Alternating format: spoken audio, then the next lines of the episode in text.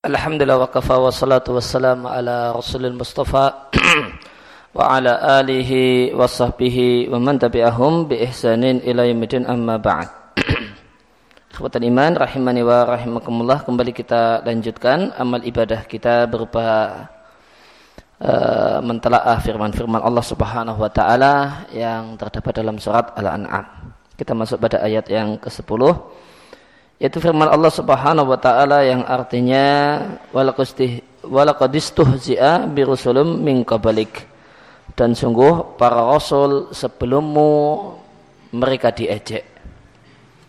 Fahaqqa billadzina sakhiru minhum maka menimpalah menimpalah pada orang-orang yang mengejek maka nubihi yastahzi'un hukuman karena ejaan yang mereka lakukan Walakot untuk lakot, lamnya di sini adalah mengisyaratkan sumpah sekaligus dia adalah lam yang berfungsi untuk taukid atau menguatkan. Ditambah kot itu fungsinya untuk memastikan alias menguatkan. Dan, kata-kata lakot ini dalam Al-Quran sangat banyak. Maka berdasarkan orang yang di atas, maka lakot atau kalimat setelah lakot itu mendapatkan tiga taukid. Yang pertama adalah sumpah yang disembunyikan, yang diisyaratkan dengan lam, dan kemudian lamnya itu sendiri, dan yang ketiga adalah kotnya itu sendiri. Ustuzia maknanya sukhir, uh, sukhir diejek. Hmm. Dalilnya sebagaimana uh, firman Allah fahaqa ladina sakhiru minhum maka menimpalah pada orang-orang yang mengejek. Ya, maka Allah uh, tafsirkan sendiri ustuzia maknanya adalah sakhiru. Sakhiru minhum ay sakhiru bihi. Maka mengejek-ejek dengannya. Waqalu dan mereka mengatakan Ahadalladhi yadhkuru alihatakum Apakah Rasul ini, apakah manusia inilah yang menyebut-nyebut yaitu mencela-cela sesembahan kalian. Dan mereka mengucapkan kata-kata tersebut dalam makna dengan maksud merendahkan. Merendahkan Rasul. Demikian jika Allah berfirman bagaimanakah ejaan orang kafir kepada para rasul wa kullama marra alaihi mala'um min qaumihi sakhiru minhu. Dan setiap kali Rasul ini dilewati, sang Rasul itu dilewati oleh malaun. Para pemuka-pemuka dari kaumnya. Orang-orang elit di kaumnya. Orang-orang kaya di kaumnya sakhiru minhu. Maka mereka para tokoh, para elit ini mengejek sang Rasul. Maka sang Rasul mengatakan intas minna fa inna naskharu minkum kama taskharun. Ya, maka sang Rasul mengatakan jika kalian mengejek kami, maka sungguh kami akan mengejek kalian besok pada Yomul Kiamah sebagaimana kalian mengejek kami sekarang. Ya, maka Rasul yang Allah ceritakan di sini ya, dia tidak membalas ejaan dengan ejaan, cacian dengan cacian, namun mereka katakan ya kalian silahkan kalian ngejek-ngejek di dunia, namun insya Allah kami akan balas ngejek besok di Yomul Qiyamah. Birusulin telah diejeklah para rasul sebelummu. Rusulin nakirah dalam kalimat positif. Dan karena nakirah dalam kalimat positif tidak menunjukkan makna umum. Artinya tidaklah menunjukkan bahasanya semua rasul itu diejek. Wa'alam dan ketahuilah bahasanya isim nakirah dalam kalimat positif tidaklah menunjukkan makna umum kecuali terdapat indikator khusus yang menunjukkan kalau yang diinginkan adalah makna umum. Contohnya adalah alimat nafsum. Alimat nafsum maqaddamat wa akharat. Nah, nafsun di sini nakirah di kalimat positif tidak ada kata-kata tidak di depannya. Maka jiwa itu mengetahui maqaddamat wa akharat apa yang telah dia lakukan apa yang telah dia lakukan dan apa yang telah dia lakukan. Eh, demikian juga di ayat yang lain alimat nafsum ma'ahdarat. Jiwa mengetahui apa yang dia hadirkan. Amal apa yang dihadirkan pada hari kiamat. Nah, nafsun di sini isim nakirah dalam kalimat positif tidak ada kata-kata la atau ma, nafi di depannya. Namun kita bisa katakan ini adalah maksudnya adalah semua jiwa karena demikianlah realitanya karena dalil-dalil yang lain yang menunjukkan bahwasanya pada hari kiamat semua jiwa bukan hanya jiwa tertentu semua orang mengetahui dan sadar betul amal yang dia kerjakan. Sehingga maknanya adalah alimat kulu nafsin ya, maka ini sedikit berkaitan dengan masalah kaidah usuliyah lughawiyah kaidah usul fikih yang berasal dari sisi bahasa Ya, kaidahnya mengatakan bahasanya an-nakira fi syiqil itsbat yadullu alal itlaq.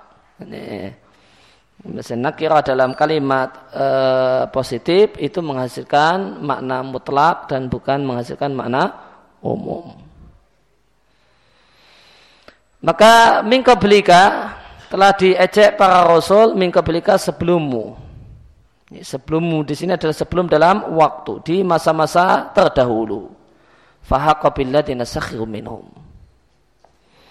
Maka nubihi yastahzi'un. Maka menimpalah pada orang-orang yang mengejek para rasul. Maka nubihi yastahzi'un. Hukuman karena ejaan yang mereka lakukan. Artinya nazala bim ukubah. Turun dan menimpa mereka orang-orang yang mengejek para rasul ini ukubah hukuman. yaitu jazaa maka nubi yastahziun balasan atas perbuatan ejek ejek mengejek atau balasan perbuatan mengejek yang mereka lakukan. Nah maka di ayat ini Allah menyebut balasan satu perbuatan dengan menggunakan perbuatannya. Dengan menggunakan perbuatannya. Maka menimpalah kepada orang-orang yang mengejek, maka nubihi yastahzi'un. Ay jaza'u istizaihim maknanya. Maka menimpalah mereka balasan dan hukuman karena mengejek yang mereka lakukan. Ejaan yang mereka lakukan. Maka kalau redaksinya dalam bahasa Arab itu maka menimpalah kepada orang-orang yang mengejek para rasul tersebut ejaan mereka. Ya, redaksinya kalau dalam bahasa kita terjemahkan letter luck, maka menimpalah kepada orang-orang yang mengejek para rasul itu ejaan mereka. Maka niyastazina istiza'uhum. Fa'il dari haqa. Fahaqa billadina sakhirum minhum istiza'uhum. Maka menimpalah kepada mereka orang-orang yang mengejek para rasul itu ejaan mereka. Apa maksudnya? Balasan atau hukuman karena ejaan mereka. Maka di sini eh, yang dimaksudkan adalah balasan dan hukuman, namun kosakata yang dipakai adalah eh. Maka apa faedah dan maksud dari hal ini? Lil isar untuk mengisyaratkan yang pertama ini memiliki dua tujuan. Yang pertama mengisyaratkan sebab. Bahasanya sebab mereka mendapatkan adab adalah karena perbuatan mengejek. Kemudian faedah yang kedua adalah supaya diketahui bahasanya balasan dan hukuman yang Allah timpakan pada mereka itu berbanding lurus sesuai dengan kadar perbuatan mereka. Kalau ejekannya kebangetan ya maka lumrah kalau siksaannya keras. Kalau ejekannya sedang-sedang ya hukumannya juga sedang-sedang. Maka hukuman tersebut sebabnya adalah satu perbuatan yang dengannya si pelaku berhak untuk mendapatkan hukuman. Maka hmm, fa'utliqa al-uquba ala nafsil amal maka yang dimaksudkan hukuman namun dipilihlah dan dipakailah eh, aktivitas yang menjadi sebab adanya hukuman. Dan faedah yang kedua jika seorang itu diberi balasan e, semata-mata perbuatan yang dia lakukan maka ini yakni bermakna bahasanya balasan dan hukuman itu sesuai dengan kadar amalnya. Ya.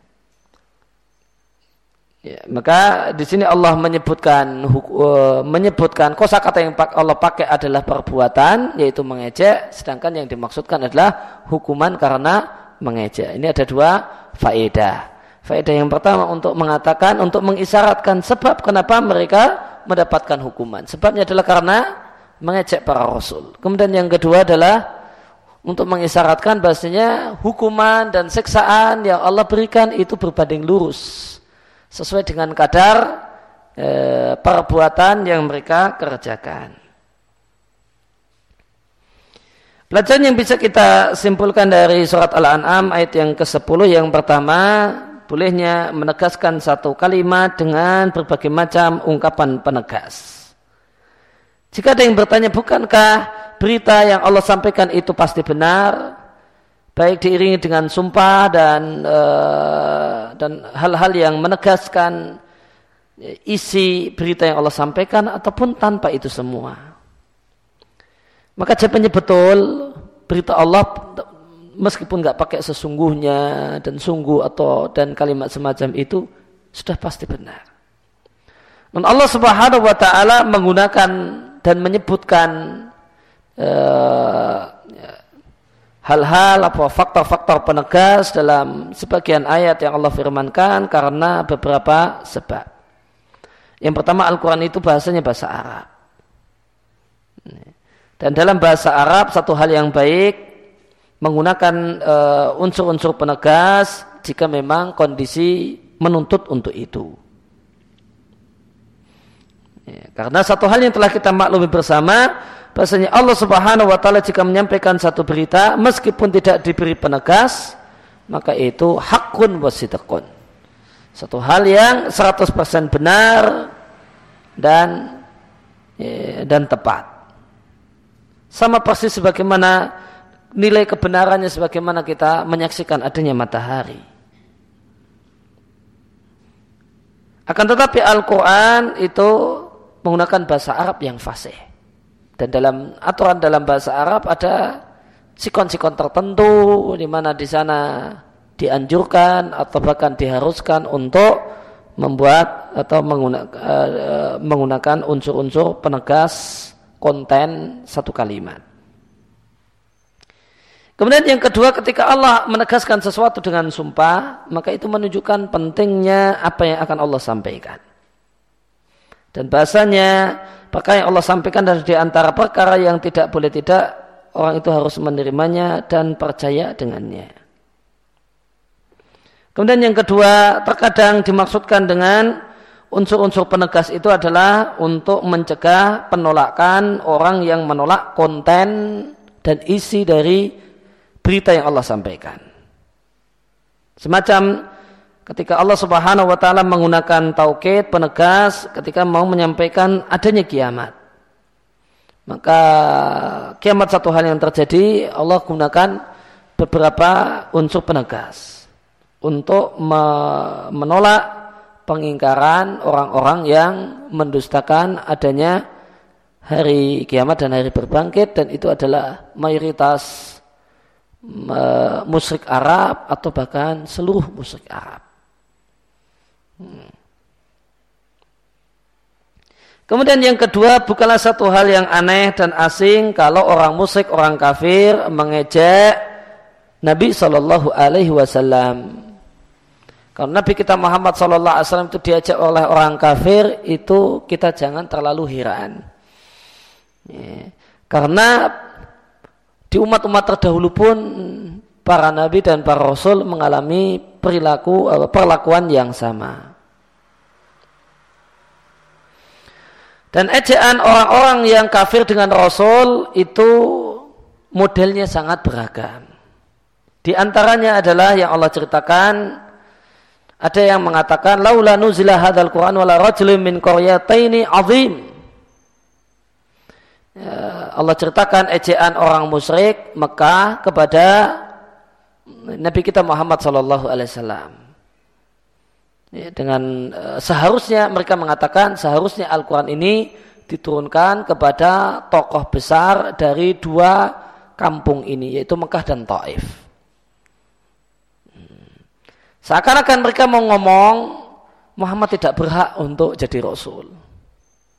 Yang jadi rasul adalah tokoh yang lebih top ini, di Mekah dan tokoh top atau tokoh yang top di kampung sebelah. Itu Taif. Maka ini kalimat ejaan. Tidak layak untuk jadi rasul. Orang kayak gini kok jadi rasul. Sebagaimana juga perkataan mereka yang Allah ceritakan alihatakum apakah dia inilah orang yang nyebut-nyebut dan membicarakan berhala-berhala kalian kalimatannya di sini untuk merendahkan maka man hadar rajul artinya siapa orang ini siapa dia ya, berani menyebut-nyebut sesembahan kalian berhala-berhala kalian dengan kalimat-kalimat yang negatif dengan mengatakan berhala itu tidak mendengar, tidak bisa ngomong dan seterusnya. Dan kalimat negatif di sini adalah uh, real. Ya. Memang berhala tersebut tidak bisa ngomong, nggak bisa mengabulkan dan seterusnya. Maka siapa orang ini? Ya, Laisa bisyai, dia tidak ada nilainya. Laisa lahu dia tidak bukanlah seorang yang punya nilai. Demikian juga di antara ejaan yang lain ditujukan kepada Nabi kita Muhammad sallallahu alaihi wasallam adalah ejaan orang yang mengatakan kalau Nabi itu adalah orang yang gila, nih, orang yang uh, mukharaf, orang yang uh, mengatakan sesuatu hal yang khurafat, wa dan semacam itu.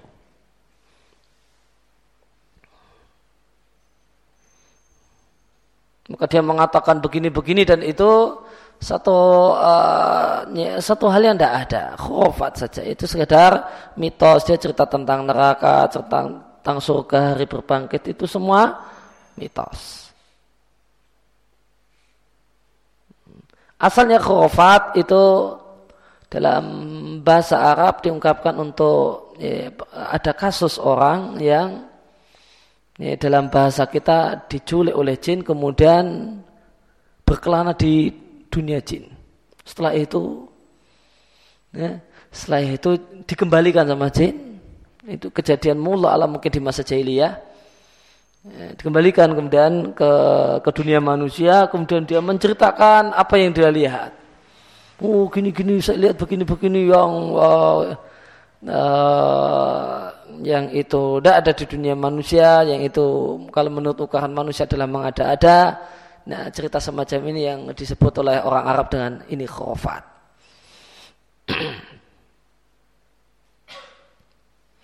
Kemudian pelajaran yang ketiga perhatian Allah tabaraka wa taala terhadap nabinya sallallahu alaihi wa alihi wasallam di mana Allah turunkan pada nabinya ayat Al-Qur'an yang menghibur beliau. Wajahahu Allah pun memberikan arahan dan saran kepada nabinya untuk mengingat ejaan umat-umat terdahulu pada para rasul terdahulu.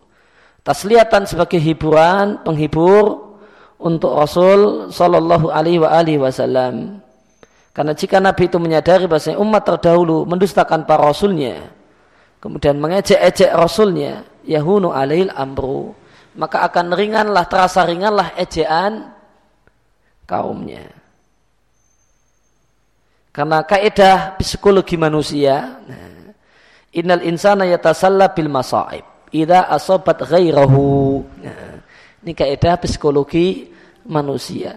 Seseorang itu akan terhibur ketika dia mendapatkan musibah, manakala dia tahu musibah yang sama juga terjadi pada orang lain, ada temannya. Nah, kalau dapat musibah sendirian, orang itu susah. Nah, kalau dapat musibah rame-rame, maka susah tadi menjadi menjadi penyebab gembira, faktor bahagia. Contohnya kalau orang sekolah tahu kalau kemudian nilainya 5 itu sendirian yang lain 8, 9, 10, 8, 9, 10 itu stres itu. Stres. Waduh, saya nilai 5 sendirian. Harus sendirian. Wah. Remedi sendirian, wah itu stres berat itu kan. Namun ketika dia ada tes, ada ulangan, kemudian dia dapat nilai 5 gitu. Ya. Kemudian dia tanya sebelahnya, oh empat, depannya oh tiga, samping kirinya lima, sebelahnya lagi satu, sebelahnya lagi dua. Wah itu bersepuluh ini kumpul malah jadi ketawa-ketawa. Gitu. Sepuluh orang ini kumpul ketawa semua ini malah, ngakak ini malah. Yang orang yang pertama itu sedih, nangis dia. Kenapa kok bisa? Nah, nah, karena temannya banyak? Nah, itu jiwa manusia karakter manusia. Dia terhibur. Musibah yang berat itu terasa ringan jika dia sadar, jika dia mengerti bahasanya banyak temannya. Nah. Maka tahun alaihi musibatuhu. Maka terasa ringan musibah yang terjadi. Temannya banyak kok. Nah, musibah sama temannya banyak.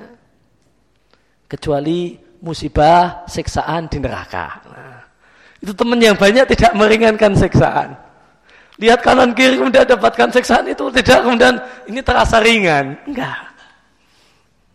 Kalau di dunia iya. Hmm, dipukuli orang kok ternyata ya, yang dipukuli itu banyak itu terasa ringan. Masuk penjara dipukuli sama sipir ah kok temannya banyak itu ringan. Habis dipukuli ketawa bareng. Padahal benjot-benjot itu bisa ketawa ngakak bareng terasa ringan. Namun tidak, itu tidak berlaku di akhirat. Dan Allah isyaratkan hal ini, kaidah psikologi manusia itu hanya berlaku di dunia dan tidak berlaku di akhirat. Allah isyaratkan surat Az-Zukhruf. Walan yanfa'akumul yaum dan pada hari ini tidaklah bermanfaat bagi kalian. Idzolamtum jika kalian musyrik. Jika kalian orang-orang yang zalim ketika dunia, annakum fil adabi mustarikun, kalian rame-rame dalam siksaan yang sama. Itu tidak lagi manfaat. Hari ini, mafhum mukhalafahnya berarti manfaat sebelum hari ini. Kapan itu? Di dunia. Di dunia, fil adabi mustarikun, berserikat dalam siksaan, berserikat dalam musibah, musibah kok bareng-bareng, itu manfaat, mengurangi kebersamaan dalam musibah itu mengurangi musibah. Itu manfaat bermanfaat. Namun kapan itu bermanfaat? Sebelum hari ini. Adapun hari ini kata Allah pada hari kiamat layang fa'aku tidak bermanfaat untuk kalian. Maka Allah mengisyaratkan dalam ayat ini ya, kaidah kejiwaan tadi kaidah psikologi tadi. Bahasanya di dunia sebelum yaumil kiamah sama-sama susah itu manfaat yaitu meringankan kesusahan. Namun itu tidak lagi bermanfaat di akhirat. Maka ketika di akhirat itu tidak manfaat, ma'anahu laukana fid dunya. Padahal seadanya di dunia dan orang itu e, berserikat rame-rame dalam e, kesusahan lahana alaihim niscaya kesusahan itu terasa ringan. Wa nafa'ahum dan rame-rame dalam kesusahan itu manfaat wahamalhum ala sabar. Dan rame-rame dalam kesusahan itu mendorong eh, orang yang mendapatkan kesusahan tadi untuk mudah bersabar. Lakin fil yaum, eh, lakin fil qiyamah la yanfa'u. Namun pada hari kiamat rame-rame dalam kesusahan itu tidak memiliki manfaat. Tidak menyebabkan ringannya siksaan. Demi supaya sempurnanya siksaan untuk orang-orang yang di neraka maka Allah hilangkan eh, kaidah kejiwaan manusia itu tidak Allah berlakukan pada hari kiamat supaya azab dan siksaan yang Allah timpakan kepada orang-orang yang ingin Allah timpakan pada hari kiamat betul-betul menjadi azab yang sempurna. Kemudian uh, pelajaran yang keempat ada ancaman untuk orang-orang yang mendustakan Nabi Shallallahu Alaihi Wasallam mengingat firman Allah fahaqa billadina sakhiru minhum maka nubi yastahzi'un. Maka dulu umat terdahulu Allah katakan dulu umat terdahulu orang-orang yang mengejek Rasul mereka mendapatkan hukuman karena mengejek Rasul. Maknanya apa? ini dikatakan kepada orang musyrik Arab orang musyrik uh, musyrik Arab yang ngejek-ngejek Muhammad sallallahu alaihi wasallam artinya adalah fahdahu waspadalah Wahai orang-orang yang mendustakan Muhammad Sallallahu Alaihi Wasallam dan orang-orang yang mengejek beliau, Maka kalau sebagaimana orang terdahulu yang ngejek Rasul itu mendapatkan siksaan karena ngejek Rasul, maka orang sekarang pun sama jika melakukan perbuatan yang sama. Karena siksaan itu sebabnya mengejek. Ya, maka ada ilahnya. Maka jika ilah ada, ya, maka akan ada hukumnya. Ketika ada ilah yaitu mengejek, maka hukumnya ada yaitu berhak untuk mendapatkan adab dan siksaan. Kemudian boleh jadi ayat ini bisa kita katakan isyarat tidak ada Rasul setelah Muhammad Shallallahu Alaihi Wasallam. Karena ada birusulun min qablik. Ini pertama dikatakan oleh Sayyid Nuthimin demikian, namun setelah itu beliau agak berubah pikiran. Lakin kot latu kot hadil faidah. Kan tapi boleh jadi uh, kesimpulan semacam ini kurang tepat untuk ayat ini. Karena firman Allah birusulun min qablika itu Eh, konteksnya adalah menghibur Rasul Shallallahu Alaihi Wasallam bima dengan kejadian Rasul terdahulu. Maka cuma semata-mata kata-kata Rasul Rasul min itu tidaklah menghalangi ya, seandainya mungkin dijumpai para Rasul yang lain setelah Rasul Shallallahu Alaihi Wasallam sehingga yang tepat tidak ada pada ayat ini dalil untuk itu. Nah. Karena cuma semata-mata redaksinya itu ya, tidak menunjuk uh, tidak uh, melarang adanya Rasul setelahnya. Ya, maka masalah tidak ada Rasul setelah Muhammad Sallallahu Alaihi Wasallam tidak kita simpulkan dari ayat ini, namun dari dalil-dalil lain yang banyak. Kemudian pelajaran yang keenam bahasanya mengolok-olok dan mengajak para Rasul adalah mujib. Faktor yang mengharuskan adanya hukuman. Jika ada yang bertanya hukuman Allah kepada orang-orang yang mengejek para rasul, apakah hukuman tersebut hukuman karena kekafiran ataukah karena kefasikan? Maka jawabannya tentu ini hukuman karena kekafiran. Karena semua yang mengejek para rasul atau mengolok-olok rasul, maka tentu dia adalah kafir. Dia, jika dulunya dia muslim, maka batalah keislamannya dengan hal tersebut. Dan ini satu hal yang tidak ada kemuskilan. Satu hal yang jelas. Akan tapi apakah tobat orang yang mengajak Rasul itu diterima? Seandainya dia bertobat, maka jawabannya ya, diterima tobatnya jika dia memang serius bertobat mengingat firman Allah tabaraka wa taala yang bersifat umum kullu ibadiyalladzina asrafu ala anfusihim. Katakanlah wahai Muhammad sallallahu alaihi wasallam umumkanlah kepada manusia ya, firman Allah wahai hamba-hambaku yang bergelimang maksiat. La taqnatu min rahmatillah, janganlah kalian putus asa dengan kasih sayang Allah. Ini Allah mengampuni semua dosa. Dengan ijma ahli tafsir yang dimaksudkan dengan innallaha yaghfiru dzunuba jami'an adalah ya, manakala pelakunya bertobat. Maka semua dosa termasuk kemusyrikan jika pelakunya bertobat sebelum pintu tobat tertutup maka Allah akan ampuni. Inna wal rahim sehingga dia adalah maha pengampun lagi maha penyayang. Demikian juga uh, di, uh, samping ada dalil Az-Zumar 53 sebagai dalil nakli, uh, ada dalil akli untuk mengatakan orang yang mengejek Rasul kemudian bertobat, maka tobatnya diterima. Dalil aklinya, dalil logikanya adalah orang yang mencaci maki Nabi Shallallahu Alaihi Wasallam Ina makana kufran li nubuwatihi. Maka itu hanyalah itu adalah kekafiran pada kenabiannya, bukan pada personan, personnya. Wa nubuwat dan kenabian dan beramal dengan syariat Allah tijaat biha syariat yang ada adalah fil secara kenyataan adalah bagian dari hak Allah. Dan hak Allah itu tobat berkaitan dengan uh, tobat dari maksiat berkaitan dengan hak Allah itu diterima dengan sepakat ulama. Fasahi maka yang benar orang yang yang mengolok-olok Nabi, mengejek Nabi, maka jika dia bertobat kepada Allah dengan taubatan nasuha, maka hilang darinya label murtad dan dia adalah jadilah dia seorang muslim dan hilang darinya eh, hukuman karena murtad e, yaitu hukuman mati. Namun jika ada yang bertanya, kenapa hukumnya beda dengan eh, namun jika seorang itu mengejek Rasul, ya, jika seorang itu mencaci maki Rasul kemudian bertobat dan kita dalam hukum di dunia kita terima tobatnya, apakah hilang darinya hukuman bunuh ataukah tidak? Maka jawabannya dalam masalah ini terdapat perselisihan ulama. Sebagian ulama mengatakan diterima tobatnya dan hilang darinya hukuman mati. Karena Rasul eh, karena orang yang mencaci atau mencaci maki Rasul sallallahu alaihi wasallam bukanlah sabban saksian, mencaci maki personnya namun asab caci maki tersebut tertuju pada kenabian dan kerasulan.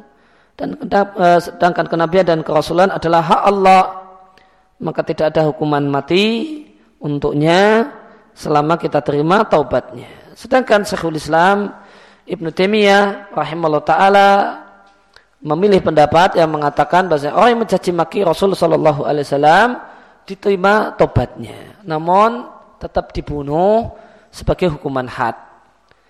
Wa ala dan beliau menyebutkan alasan pendapat tersebut dengan mengatakan bahasanya mencaci maki Nabi alaihi salatu wasallam tidaklah diragukan kalau itu adalah pelanggaran terhadap pribadi Nabi di samping pelanggaran terhadap kerasulan. Maka menimbang itu adalah pelanggaran kepada kerasulan, kita katakan diterima tobatnya. Menimbang kalau itu adalah pelanggaran terhadap person, maka tidak boleh tidak kita wajib membalas untuk Nabi Shallallahu Alaihi Wasallam. maka kita tetap membalas atas perbuatannya yang mencaci maki Nabi dengan tetap memperlakukan hukuman mati untuknya. Sehingga ya tahatam sebuah keniscayaan adanya hukuman mati untuk pencaci maki ar-Rasul sallallahu alaihi wasallam meskipun kita terima tobatnya, tobat lahiriahnya. Jika ada yang bertanya apa faedah jika kita katakan tobatnya diterima namun tetap ada hukuman mati. Maka faedahnya e, artinya dia mendapatkan hukuman mati dengan status orang muslim sehingga tetap dimandikan, dikafani kemudian disolatkan dan kerabat yang muslim bisa mendapatkan warisan darinya dan tetap berlaku kepadanya ketentuan-ketentuan sebagai seorang muslim. Lain halnya jika kita katakan tobat orang tadi tidak bisa diterima, tobat lahiriah dia tidak bisa diterima, maka dia tetap murtad maka ketentuan-ketentuan semacam ini tidak berlaku untuk orang itu jika kita katakan ya, tidak diterima tobatnya. Fa'in kail jika ada yang bertanya, bukankah dijumpai ada orang yang mencaci maki Nabi Ali Shallallahu Wasallam ketika beliau hidup, uh, wataba dan dia bertobat dan Nabi terima tobatnya, maka jawabnya betul. Ya. Karena hukuman mati adalah hak Nabi. Maka jika dia memaafkan, maka itu hak Nabi. Sanian yang kedua Nabi uh, penjelasan yang kedua Nabi menghilangkan hukuman mati untuk orang tersebut adalah motivasi untuk bertobat. Yang ketiga jika dia bertobat maka dia akan menjadi bagian dari sahabat Nabi alaihi salatu wassalam dan Nabi sallallahu alaihi wasallam bersabda hinas uh, hinas tu'dina ketika Nabi dimintai izin untuk ya, adanya uh, untuk menghukum mati orang-orang munafik. Maka Nabi tidak memberikan izin dan Nabi mengatakan supaya masyarakat umum dunia luar orang-orang kafir orang-orang luar negeri ya, bahasa bebasnya ya, tidak berkomentar bahasanya Muhammad membunuh para sahabatnya sendiri Wa amma ba'da mautihi ada setelah matinya Nabi alaihi salatu wasalam maka maka tiga alasan ini itu sudah hilang. alasan kalau Nabi merelakan haknya, nggak usah dibunuh. Kita tidak tahu apakah Nabi merelakan merelakan ataukah tidak karena Nabi telah wafat. Kemudian uh, kemudian tentang tadi kekhawatiran komentar orang luar negeri, orang-orang kafir, kalau Muhammad membunuh sahabatnya sendiri tentu uh, itu juga tidak ada karena sudah tidak ada lagi sahabat Nabi. Ya. Sehingga yajib ala ummati maka menjadi kewajiban umat untuk menegakkan hukuman mati bagi siapa saja yang mencaci maki Nabi alaihi. Uh, kemudian uh, dua faedah yang terakhir maksiat adalah sebab untuk hukuman dan bahasanya hukuman itu sesuai dengan kadar perbuatan oleh karena itu uh, maka hukuman disebut dengan perbuatan Wahada min adlillah dan ini adalah di antara keadilan Allah Azza wa Jal. Lain halnya dengan masubah dengan pahala. Maka pahala yang Allah berikan kepada orang-orang yang beramal soleh minimal adalah 10 kali lipat. Bisa sampai 700 kali lipat, bahkan bisa lebih banyak lagi. Ya, maka tadi ada pembahasan panjang tentang uh, tobatnya orang yang uh, tobatnya orang yang mencaci maki Nabi apakah diterima ataukah tidak. Nih. Kalau dari uraian yang e, disampaikan oleh Syekh di awal faedah sadisah, ya, nampaknya beliau menguatkan kalau itu diterima. Tobatnya diterima. Hmm. Kemudian ketika beliau membahas, ketika kita e, Ya, ketika kita katakan tobatnya diterima, hmm, ketika kita katakan tobatnya diterima, apakah hukuman mati untuk orang tersebut masih berlaku ataukah tidak? Maka belum menyampaikan khilaf ulama dalam masalah ini. Ya, sebagian ulama mengatakan ya tidak ada hukuman mati.